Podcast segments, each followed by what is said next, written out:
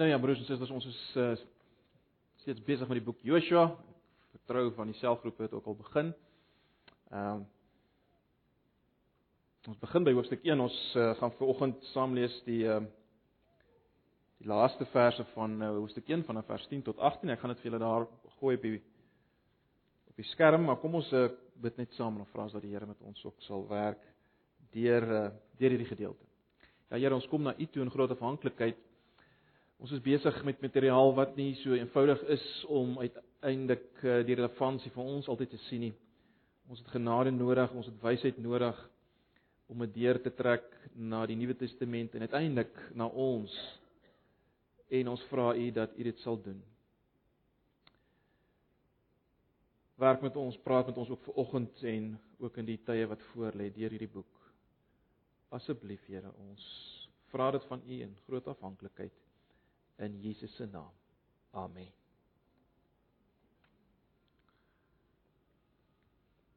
Goed. Kom ons lees saam Josua 1 vanaf vers 10 tot 18.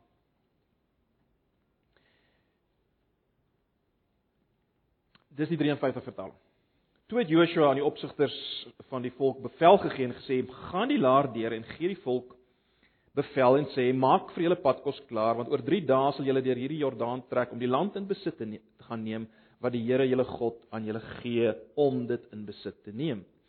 En aan die Rebeniete en Gadite en die halwe stam van Manasse het Josua dit gesê. Dink aan die saak wat Moses die knegg van die Here julle beveel het toe hy gesê het die Here julle God verskaf 'n rusplek aan julle en sal hierdie land aan julle gee. Julle vroue, julle kinders en julle vee kan bly in die land wat Moses julle oos van die Jordaan gegee het. Maar julle self, al die dapper helde moet gewapend voor julle broers deurtrek en hulle help totdat die Here aan julle broers soos aan julle die rus gee en hulle ook die land in besit neem wat die Here julle God aan hulle sal gee. Dan dan kan julle teruggaan na die land van julle besitting wat Moses die knegg van die Here julle uh julle gegee het oos van die Jordaan teen sonop en dit in besit neem. Toe het hulle Joshua geantwoord en gesê: "Alles wat U ons beveel het, sal ons doen en oral waar U ons stuur, sal ons gaan. Net soos ons na Moses geluister het, so sal ons na U luister. Mag die Here U God net met U wees soos hy met Moses gewees het. Elke man wat teen U bevel wederstrewig is en na U woorde nie luister met betrekking tot alles wat U ons be eh, sal beveel nie, moet gedood word. Wees net sterk en vol moed." Wees net sterk en vol moed. Nou broers en susters, die van julle wat verlede Sondag hier was, julle sal onthou ons het 'n uh, eh, baie sterk klem gelê verlede Sondag op die beloftes wat God gemaak het uh spesifiek aan Joshua, uh, die beloftes wat hy gegee het vir die vadere, Abraham, Isak en Jakob, uh en aan Moses en ek bevestig daai beloftes uh aan Joshua die dienskneg van die Here. En dit maak dit baie baie duidelik dat Joshua deur deur sy gehoorsaamheid spesifiek ook aan die wetboek uh hierdie beloftes sal in besit kan neem. Dis waarna ons gekyk het, ons het 'n bietjie deurgetrek na die Nuwe Testament en gesien uh hoe Jesus die rol van Joshua weer eens oorneem en en wat dit vir ons beteken om uh wat die beloftes in die, in in die Nuwe Testament vir ons beteken.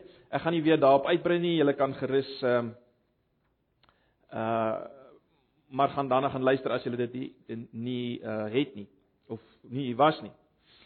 Belangrik om te sien is dat tot hier en nou het Joshua gepraat of of laat ek so sê het God gepraat met Joshua, nou praat Joshua met die volk, né? Nee. Uh God het gepraat met Joshua, nou praat Joshua met die volk. Die tyd het nou aangebreek. Die mense is nou reg om te beweeg. Uh hulle moet nou kop uh, 'n uh, kamp opbreek en loop. Uh, so daar was die belofte, maar nou moet daar nou moet daar aksie wees, né? Nee, daar was daar's die beloftes van die Here, maar nou moet hulle begin optree. Hulle moet begin kamp opbreek en so meer.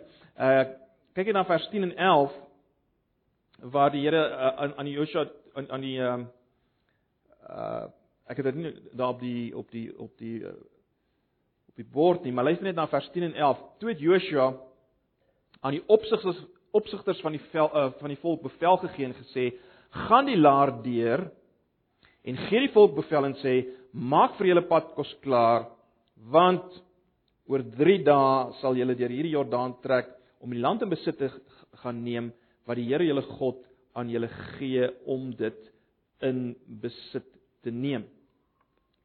Nou net 'n paar gedagtes oor die oor die opsigters. Uh julle sal sien hier word verwys na die opsigters. Nou hierdie opsigters ehm uh, was nie ouens met een of ander militêre rang nie, ons moenie so daaraan dink nie. Dit was blote groep mense wat meer kom ons sê die administratiewe beamptes wat was en die mense het hulle gerespekteer onder die volk. Uh in Numeri 11 lees ons 'n bietjie meer van hierdie ouens. As ons lees toe sê die Here aan Moses: "Bring vir my 70 manne uit die oudstes van die Israel bymekaar van wie jy weet dat hulle oudstes uh dat hulle oudstes van die volk en sy opsigters is en bring hulle by die tent van samekoms dat hulle daar by jou kan staan dan sal ek neerdal en daar met jou spreek en van die gees wat op jou is sal ek afsonder en op hulle lê en hulle sal jou help om die las van die volk te dra sodat jy dit nie alleen hoef te dra nie. So dis belangrik om te verstaan uh dis dis die opsigters, die nou die gees spesifiek verwys hier na na na die na die wysheid, die bonatuurlike gawe van wysheid wat hulle sou ontvang. Uh Deuteronomium 34 vers 9 uh sê spesifiek dis ook die daai gees van wysheid wat op Joshua sal wees. So dis belangrik. Uh en natuurlik in die Nuwe Testamentiese tyd uh moes die ouens wat gekies word as die jakens wie hierdie gees hê en natuurlik ook Nuwe Testamentiese gelowiges in die algemeen uh baie belangrik moet mense wees wat leef onder vervulling van die Gees. Maar goed, hulle het 'n hulle het 'n so administratiewe regerende funksie gehad teenoor die priesters wat natuurlik nou meer 'n godsdienstige funksie gehad het wat in verband gestaan het met die tabernakel en die die diereoffers en die kultus ensovoorts. Net net so terloops, uh, uh ons het volgende daaroor gepraat by die by die selfgroep voorbereiding.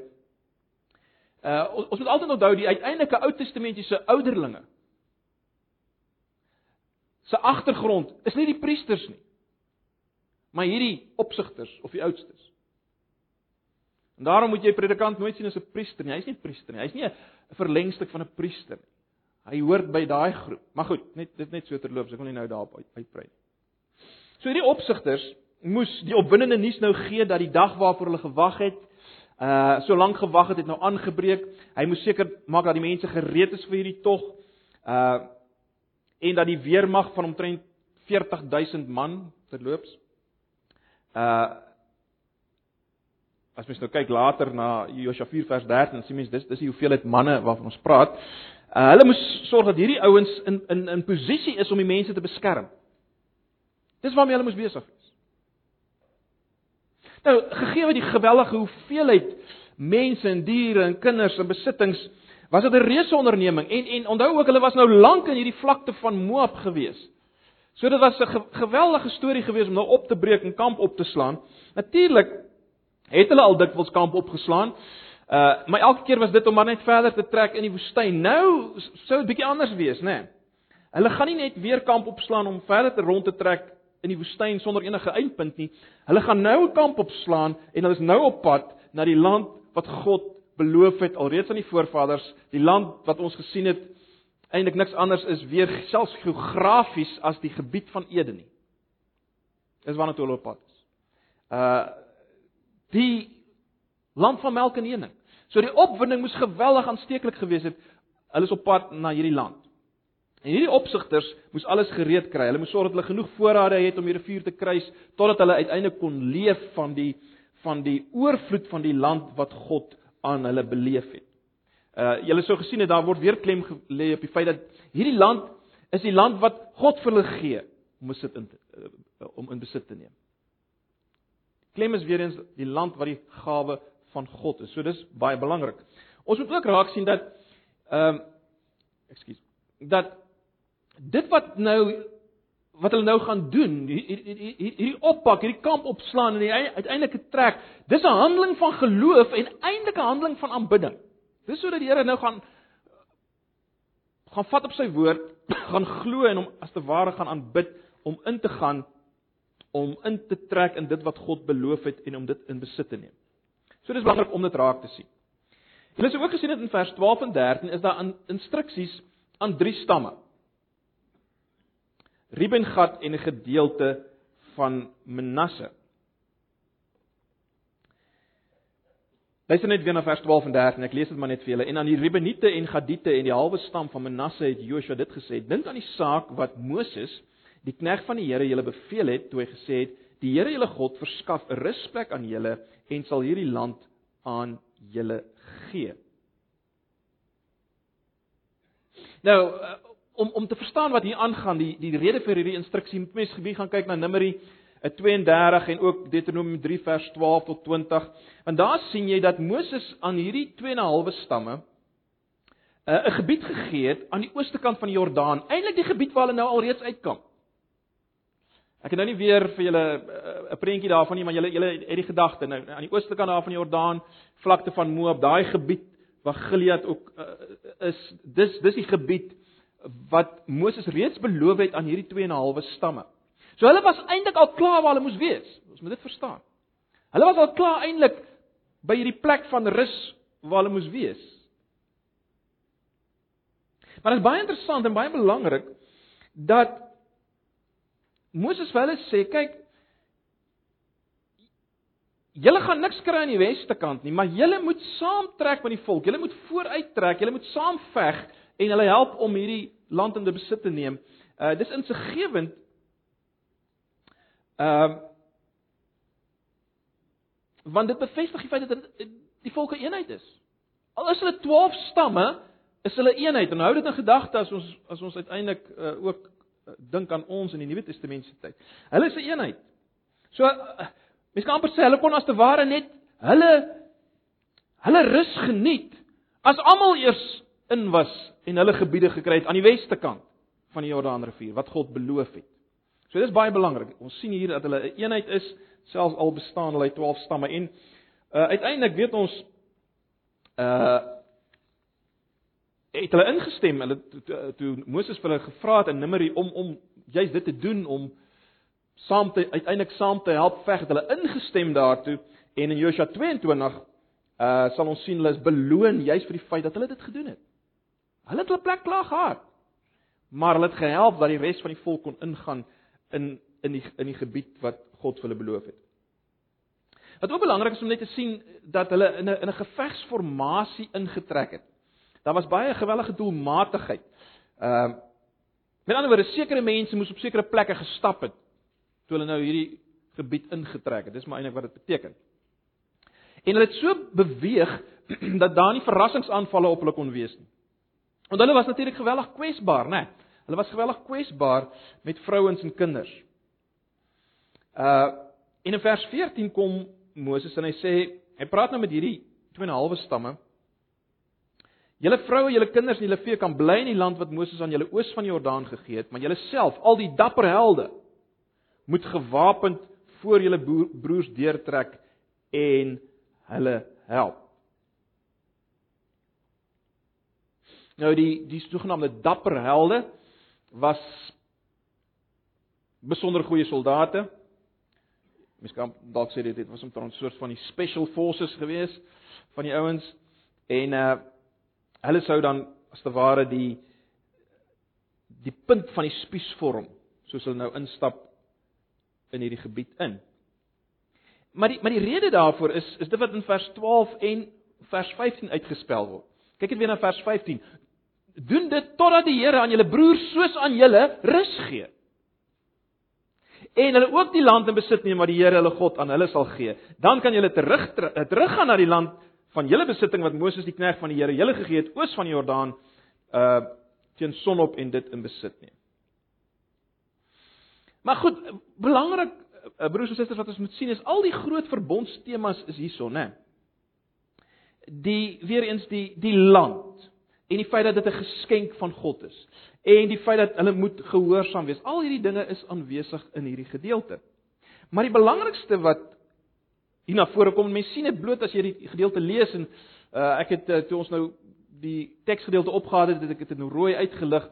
Die die die groot belangrike ding wat hier uitstaan is die tema van rus of sabbatsrus. Dis die groot ding wat hier uitstaan. Nou die vraag is onmiddellik, waar kom dit vandaan? Wat beteken dit? Waaroor gaan dit? Ek dink dis die dis die vraag wat ons moet vra. En dis insiggewend en dis belangrik om bietjie daarna te kyk. Was uh, natuurlik kom die gedagte reeds uit Genesis, né? Nee? Genesis 2. Waar ons lees soos dan voltooi die hemel en die aarde met hulle ganse leermag en God het op die sewende dag sy werk voltooi wat hy gemaak het en op die sewende dag gerus van al sy werk wat hy gemaak het en God het die sewende dag geseën en dit geheilig omdat hy daarop gerus het van al sy werk wat God geskaap het deur dit te maak. Nou ons het al hieroor gepraat, maar ek noem dit maar net weer. As ek en jy lees dat God gerus het na die ses skepingsdae, kom ons wees eerlik, dit maak baie min sin vir ons. Ek meen, wat op aarde bedoel dit? Wat op aarde beteken dit?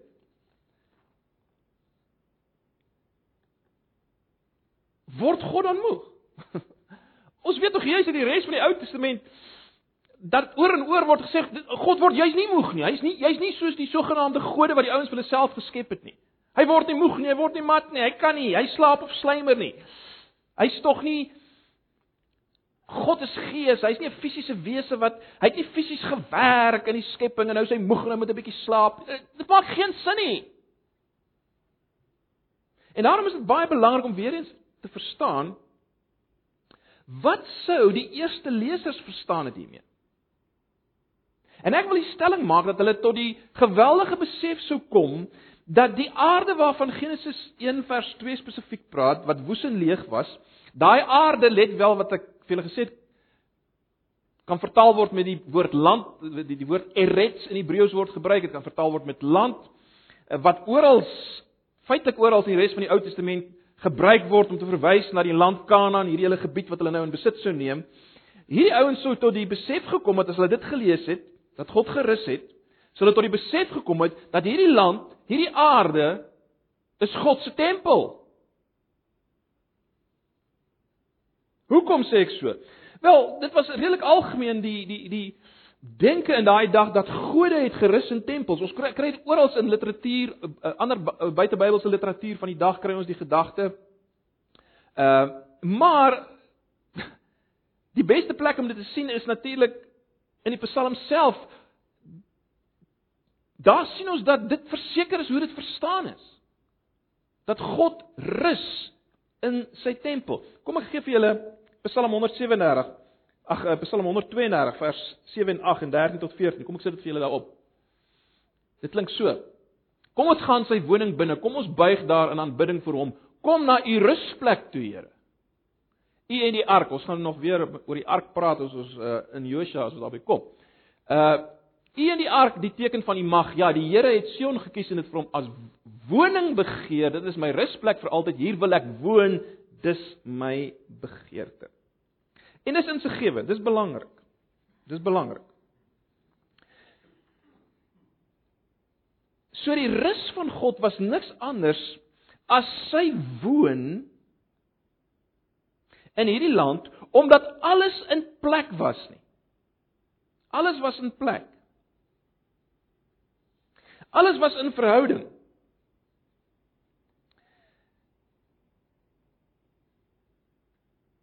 Hy het dit alles goed gemaak. Jy sal weet oor en oor as God geskep het, het hy gesê ek het dit uitgesien dat dit was goed. Alles was goed. Alles was reg vir hom om daar te woon. Alles was in verhouding met mekaar. God en mens, mens en mens, mens en geskape werklikheid was alles uh in die regte verhouding met mekaar. Dit was goed. God kon daar woon. So dit is belangrik om dit te verstaan. Dis dis waar die rus gaan. Met ander woorde om hier te woon op hierdie plek wat God gemaak het. Wat jy nie deur jou eie krag en inspanning kon oprig nie. En om in hierdie verhoudings te wees, dit sou wees die ingaan in die rus. En baie belangrik, hierdie hierdie rus is natuurlik afgebeeld in die tabernakel die tabernakel wat onmiddellik herinner weer aan die skepping. Ek, gaan nie te lank hierop ingaan nie, maar dink net daaraan. As ons net kyk na die oprigting van die tabernakel. In Eksodus 24, ek het nou hierdie gedeeltes uh, daarop gesit en julle moet dit myself weer gaan lees. In Eksodus 24 vers 16 sien ons wanneer Moses op die berg gaan om die instruksies te kry vir die tabernakel, dan sê die skrywer dat die heerlikheid en die wolk het die berg vir let wel 6 dae bedek. 6 dae. En op dieselfde wyse aan die einde van hoofstuk 31 vers 13, dan sluit hierdie tabernakelstruksies af met die bevel tot die onderhouding van die Sabbat. Uh ag dalk daar's nog baie ander ooreenstemming, maar dit raak bietjie tegnies en bietjie ingewikkeld. Ek wil nie dit alles nou aan julle voorhou nie. Die punt is maar net dat uh die tabernakel het herinner aan die skepping en die feit dat God gerus het en gewoon het nadat hy geskep het. Die tabernakel terwyl die volk op pad was na die land het hulle heeltyd herinner hieraan. Uh onthou hulle was nog nie in die land toe hulle die tabernakel gekry het. Maar uiteindelik in Eksodus 15 vers 17 ek het dit 'n hele paar keer al opgehaat, ek gaan dit nou nie weer opsit die teksgedeelte nie. Maar in Eksodus 15 vers 17 as Moses vooruitkyk na die besitname van die land, dan praat hy af, dan praat hy oor die land in terme van God se woonplek en God se heiligdom. Dis die goed wat gesê word van die tabernakel. God se woonplek en God se heiligdom. So die hele land sou nou die tabernakel van God wees die tempel. Onthou die tabernakel maar net later die tempel geword. Die hele land sou die tabernakel van God wees, die plek van regte verhoudinge, die plek waar God woon, waar sy heelheid is en so meer. Die hele land. Baie interessant.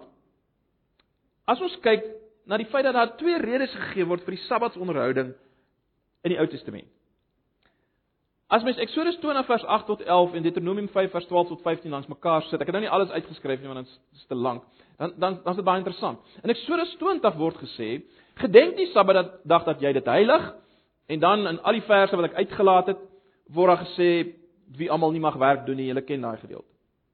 En dan vers 11 staan daar: "Want in 6 dae die Here die hemel en die aarde gemaak, die see en alles wat daarin is, en die sewende dag het hy gerus. Daarom het die Here die Sabbatdag geseën en dit geheilig." In Deuteronomium kry ons presies dieselfde gedeelte. In vers 12 begin dit met onderhou die Sabbatdag dat jy dit heilig, dan presies al die voorskrifte, ek het dit uitgelaat daai verse waar hy sê nie jou os jou esel niemand mag werk nie. En dan kom hy in vers 15 en hy sê En jy moet daaraan dink dat jy in Egipte land 'n slaaf was en die Here jou God jou daarvandaan uitgelei het deur 'n sterke hand en uitgestrekte arm. Daarom het die Here jou God jou beveel om die Sabbatdag te heilig. Daarom het die Here jou God beveel om die Sabbatdag te heilig. Dit is insiggewend, is dit nie? Dis insiggewend. Met ander woorde, die die verband tussen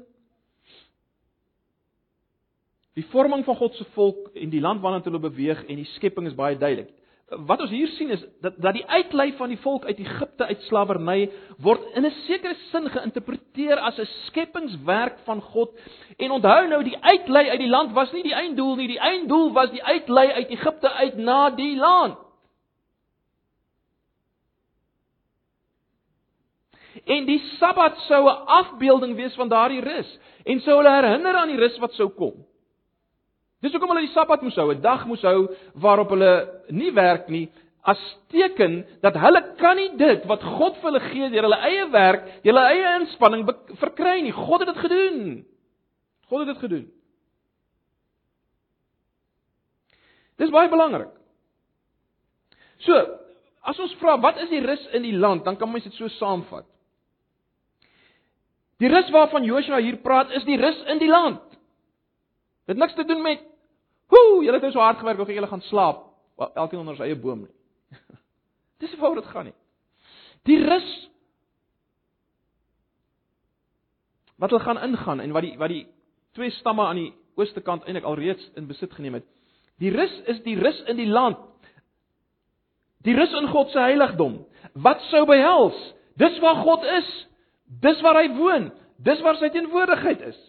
Daar kan jy leef in verhouding met God en in verhouding met mekaar en met die geskape werklikheid. En die volheid en die oorvloed waarvan Deuteronomium praat, die melk en die heuning en die riviere en die strome en die vrugtebome en die putte, let wel soos dit Deuteronomium dit duidelik stel, waarmee julle niks te maak het nie. Julle het dit nie gegrawe nie, julle het dit nie geplant nie, julle het niks daarmee te maak nie. Julle kan dit nou net geniet. Julle kan dit net ontvang. Julle kan net daarin gaan. So die rus waarvan Joshua hier praat, die rus waaraan hulle ingaan is dit. Dis waar waar want hulle op pad is. Dis waarna hulle op pad is. Die gedeelte sluit af met 'n uh, eh, die reaksie op die oproep om die rus in te gaan, né, in vers 16 tot 18. Kom ons lees dit net. Toe het hulle Josua geantwoord en gesê: "Alles wat U ons beveel het, sal ons doen en oral waarheen U ons stuur, sal ons gaan, net soos na ons na Moses geluister het, so ons so sal ons na U luister. Mag die Here U God met U wees, soos hy met Moses gewees het. Elke man wat teen U bevel wederstrewig is en na U woorde nie luister met betrekking tot alles wat U ons sal beveel nie, moet gedood word. Wees net sterk en vol moed." Dit is baie interessant hierdie woorde, ehm uh, ekho natuurlik die reaksie van die volk na die verbondstipulasies in Eksodus afgekondig is. Kom ek lees dit sommer net vir julle. Julle kan maar net luister. Eksodus 24 vanaf vers 7 staan daar en hy dis Moses het die boek van die verbond geneem en dit voor die ore van die volk gelees en hulle het gesê alles wat die Here gespreek het sal ons doen en daarna luister. Gewellige ooreenstemming, né? So nadat hulle die verbondsinstruksies in Eksodus ontvang het, is dit dieselfde reaksie as wat ons hier kry. So soos die volk Moses gehoorsaam was, sou hulle nou Joshua aan Joshua gehoorsaam wees. Om die waarheid te sê, sommige ouens meen dat hier hier eintlik 'n soort van 'n formele seremonie plaasgevind het waar waar dit baie duidelik is dat die oordrag nou gegaan het na Joshua. Die gesag lê nou by Joshua. Baie belangrik is om ook te sien dat gehoorsaamheid sou lei tot die in besitname van hierdie seën in die land. Ongehoorsaamheid sou dieselfde wees as verbondsverbreeking waarvan Eksodus in Deuteronomium praat. Die vloek dood nê nee, so is baie belangrik. Geloof gehoorsaamheid lewe ongehoorsaamheid ongeloof dood. So dis wat ons kry in hierdie gedeelte. Nou natuurlik moet ons dit weer eens nader bring aan ons eie lyf. Wat sê dit vir ons Kom ons dink net eers oor A die rus in ons. So ek, ek, ek, ek gaan net 'n A B en 'n C hê, maar die die A gaan die langste wees. Die rus in ons, moet ons daaraan dink. Wel, ons weet uit Hebreërs 4 dat hierdie rus wat Josua beloof het, was nog nie die ware eindpunt van die rus wat hy vir sy mense en dan spesifiek vir sy Nuwe Testamense in gedagte gehad het. Ek gaan vir julle die hele gedeelte lees. Ek het net die een vers daar op die op die uh, op die skerm, skerm, maar kom ek lees uh Hebreërs 4 vanaf vers 4. Want hy, dis God het eers van die sewende dag so gespreek en God het op die sewende dag van al sy werke gerus. En nou hier weer, hulle sal my rus nie ingaan nie. Terwyl dit dan so is dat sommige daar ingaan en diegene aan wie die evangelie eers verkondig is deur ongehoorsaamheid nie ingegaan het nie, bepaal hy weer 'n sekere dag, naamlik vandag as hy soveel jare later deur Dawid spreek soos gesê is vandag as julle sy stem hoor verhard julle harte nie. En dan vers 8 wat ek daar aangehaal het. Want as Joshua aan hulle rus gegee het sou hy nie van 'n ander dag daarna spreek nie. Daar bly dus 'n sabbatsrus oor vir die volk van God. Want wie in sy rus ingegaan het rus ook self van sy werke soos God van syne. Laat ons ons dan beywer om in te gaan in die rus sodat niemand in dieselfde voorbeeld van ongehoorsaamheid mag val nie. So dis die dis die hele Hebreërs 4 vanaf vers 4 tot 11. Gaan lees dit maar weer uh, rustig by die huis.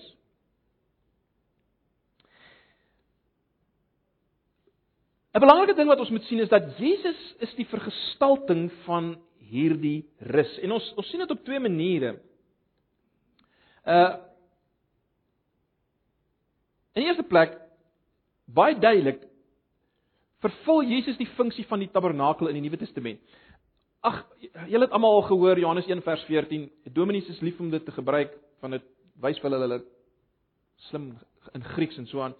Uh Joshua 1 vers 14 wat sê Hy het mens geword en onder ons kom woon. Nou daai woon is die woord tabernakel. Hy het onder ons kom tabernakel.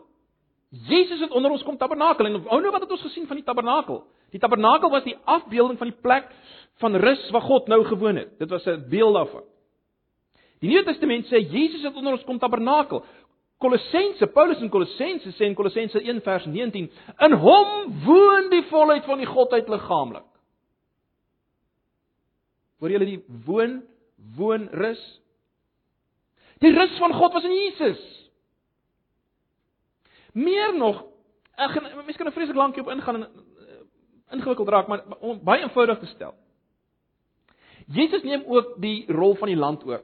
Julle sal weet wat gesê word van die land. Dink maar net aan Deuteronomium 8 en die wonderlike goed wat van die land gesê word ook daar.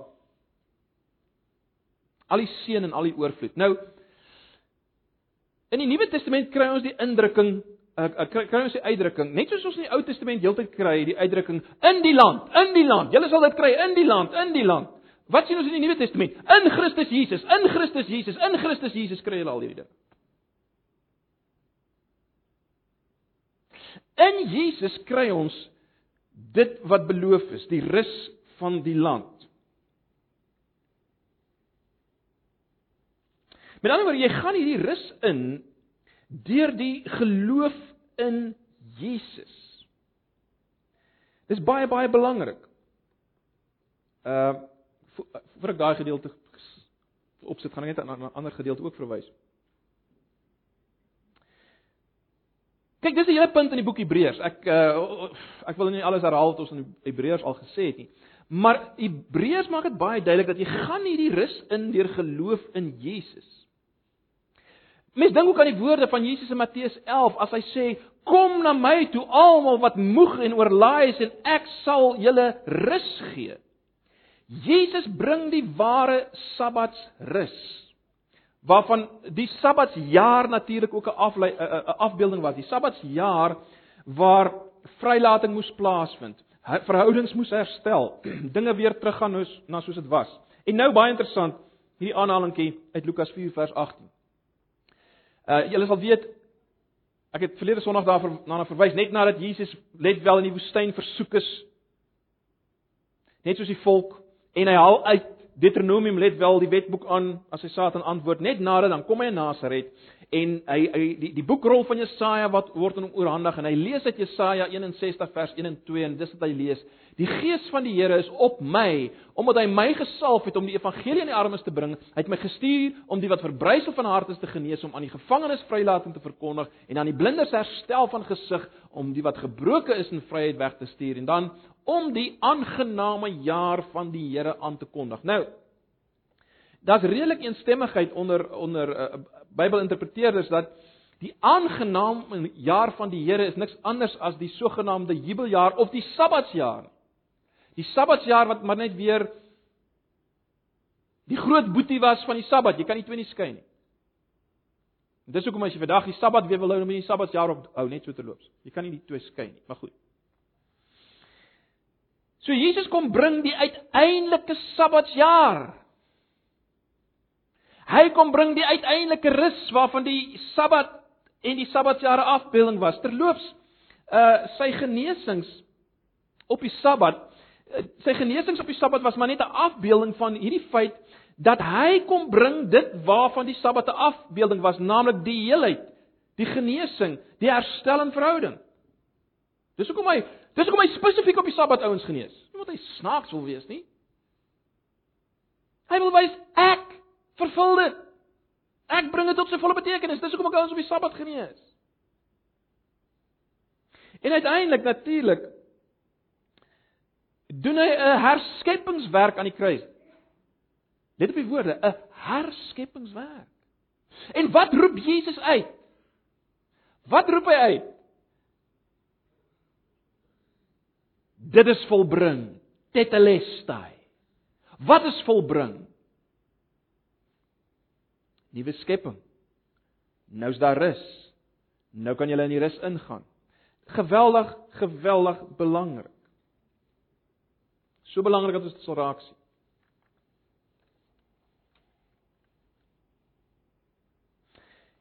Al wat ek en jy moet doen is om dit te vat, dit te omhels, daartoe in te stem, as te ware soos die volk hier ingestem het daartoe, moet ons instem tot dit wat God in Jesus gedoen het, die volkomme herskepingswerk, die tetelestai. Jy kan niks staan by, jy kan niks bydra daartoe nie. Jy moet dit ontvang, jy moet dit omhels. Jy sien, wat verhinder ons om dit in te gaan? Ongeloof verhinder ons om die rus in te gaan. Ongeloof verhinder ons om die rus in te gaan. Dit was deur ongeloof in God se beloftes dat die volk vir 40 jaar lank van tevore die land nie kon ingaan nie. Luister net weer na Hebreërs 4 vers 1 tot 3. Hier hier is 'n geweldige belangrike eh, oproep. Laat ons dan vrees dat terwyl die belofte, let wel, om in sy rus in te gaan, nog stand hou. Dit nie miskien sal blyk dat iemand van julle agtergebly het nie.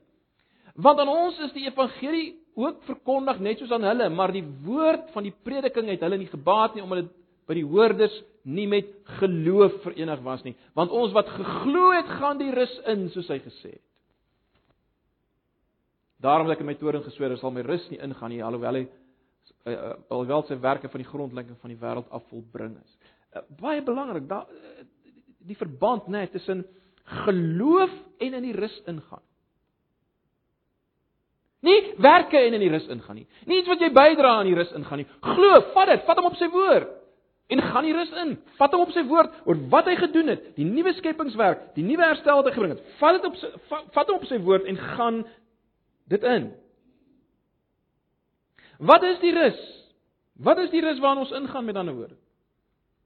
Wel Hebreërs vers 10 stel dit mooi as hy sê want wie in sy rus ingegaan het, rus ook self van sy werke. Die rus vir ons om die rus in te gaan is om te rus van ons eie pogings om in verhouding met God te kom om al die verhoudings te herstel, ons eie pogings om 'n skepingswerk tot stand te bring. Dis wat die rus vir ons is. Beteken om in 'n regte verhouding met God en mekaar in die geskape werklikheid te leef. Die een wat God daar gestel het, nie wat ek self bewerk het.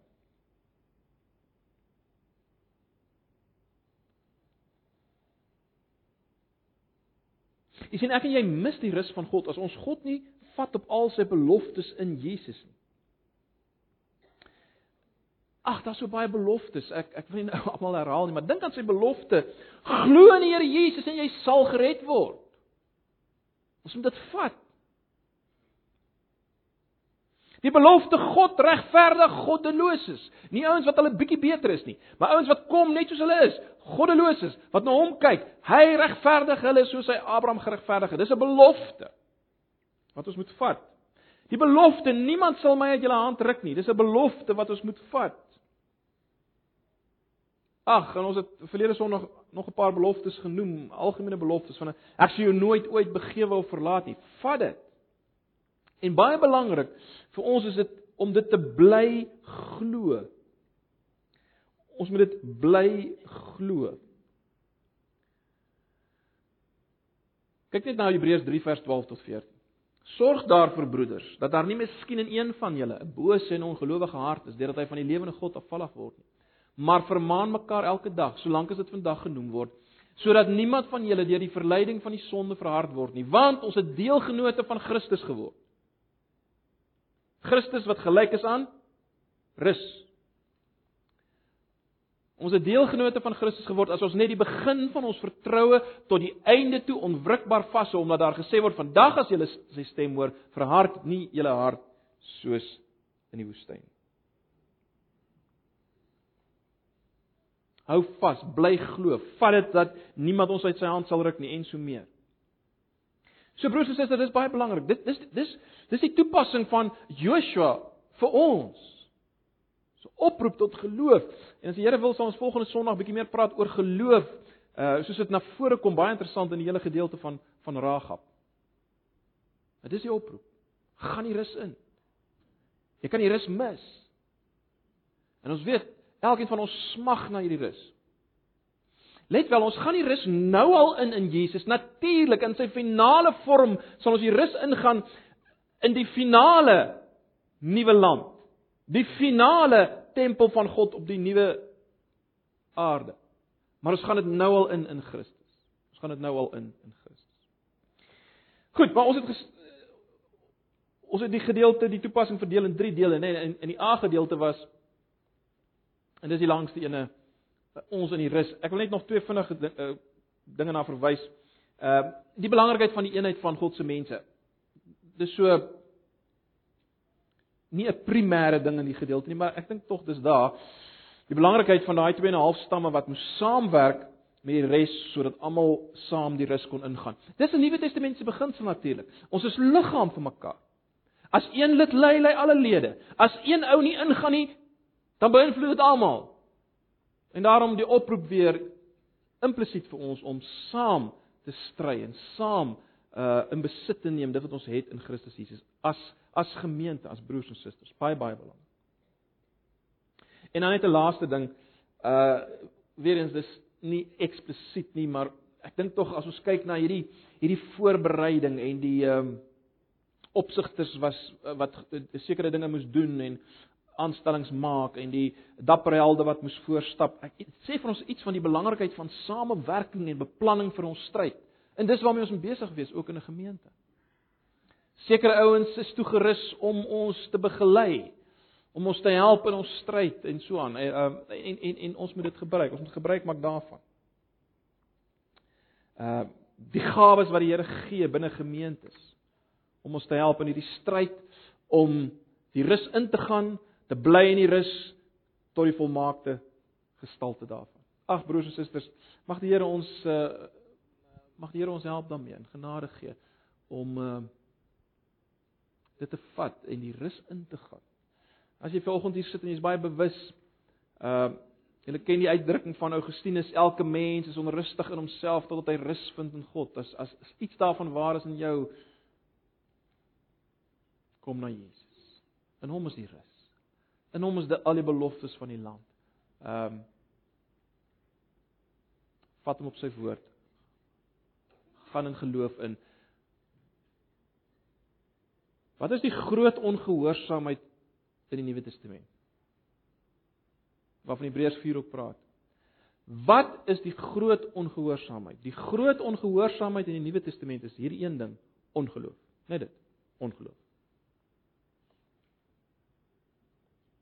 Dis die ongehoorsaam. Nie al die ander klein goedjies. Ongeloof. Want dit lei tot al die kleiner goedjies. As jy nie glo dat Jesus is wie hy is en hy is vir jou nie, dan soek jy dit in allerlei ander goed wat lei tot allerlei ander sondetjies. Maar ongeloof. So ag, kom ons neem dit ter harte, die belangrikheid van om deur geloof hierdie rus in te gaan. Maar so ek sê ons sal DV volgende Sondag weer daaroor praat. Kom ons sluit af in gebed. Here baie dankie vir u woord. Dankie dat ons selfs uh, uit die boek Joshua uit kan sien dat uh, wat hy vir ons wil. Wat hy vir ons begeer. Ons eer u daarvoor. En ons bid vir mekaar in hierdie oggend. Help ons Here om die stryd te stry van die geloof tot die einde toe. Tot die einde toe u te vat op u woord, vas te hou asseblief. Ons vra dit in Jesus se naam. Amen.